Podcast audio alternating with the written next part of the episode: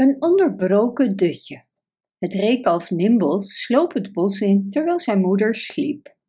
Hij deed veel moeite om haar niet te storen. Hij zorgde er namelijk voor dat hij niet op een takje stapte. En hoe jong hij ook was, hij wist dat het geluid van een brekende twijg genoeg was om zijn moeder onmiddellijk uit haar diepste slaap te wekken. Ook zorgde hij ervoor dat hij zijn hoeven niet op een steen zette, want bij de minste klik van een hoef zou zijn moeder weten dat hij haar had verlaten. Dus Nimble koos zijn weg over de dennennaalden en maakte niet het minste geluid. Zijn moeder sliep ondertussen vredig door. Ze miste haar zoon niet, totdat ze plotseling klaar wakker was en meteen op haar benen stond, klaar om weg te rennen.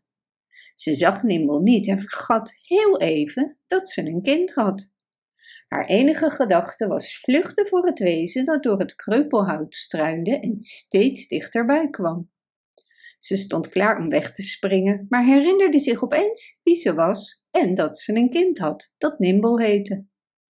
Ze bleef staan en keek met een wilde blik om zich heen, maar ze zag nergens haar kleine gevlekte reekalf. En nu was ze vreselijk bang. Nimble, waar ben je? riep ze. Hier ben ik, antwoordde Nimble. En terwijl hij sprak, kwam hij ineens in zicht en sprong zo elegant over de stenen muur dat zijn moeder alleen maar trots op hem kon zijn. Wat is er aan de hand? riep ze ongerust. Wie zit er achter je aan? Niemand zit me achterna, zei Nimble tegen haar. Toen ik de vos zag, haastte ik me hierheen. De vos? riep zijn moeder uit. Nou, hij durft je niet te pakken als ik bij je ben. En ze was enigszins opgelucht. Als het maar een vos was, was ze zeker niet van plan te vluchten. Waar heb je de vos gezien? vroeg ze. Hij was precies boven mijn hoofd, zei Nimble. Mijn hemel, zijn moeder hapte naar adem. Dat was heel gevaarlijk. Stond hij echt boven jou? Hij zat in een boom, antwoordde Nimble. En zijn moeder wierp hem een vreemde blik toe en vroeg hem op scherpe toon: Zag jij hem echt in een boom? Hoe zag hij eruit? Was hij rood? Hij was grijsachtig en had zwarte ringen rond zijn lange borstelige staart en zijn lange puntige neus stak onder een zwart masker uit. Je praat onzin, riep Nimble's moeder. Je hebt geen vos gezien, je hebt een wasbeer gezien.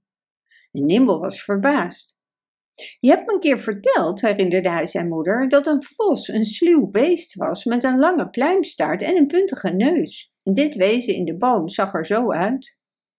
Ja, ja, zei zijn moeder, maar luister nu goed naar wat ik je zeg.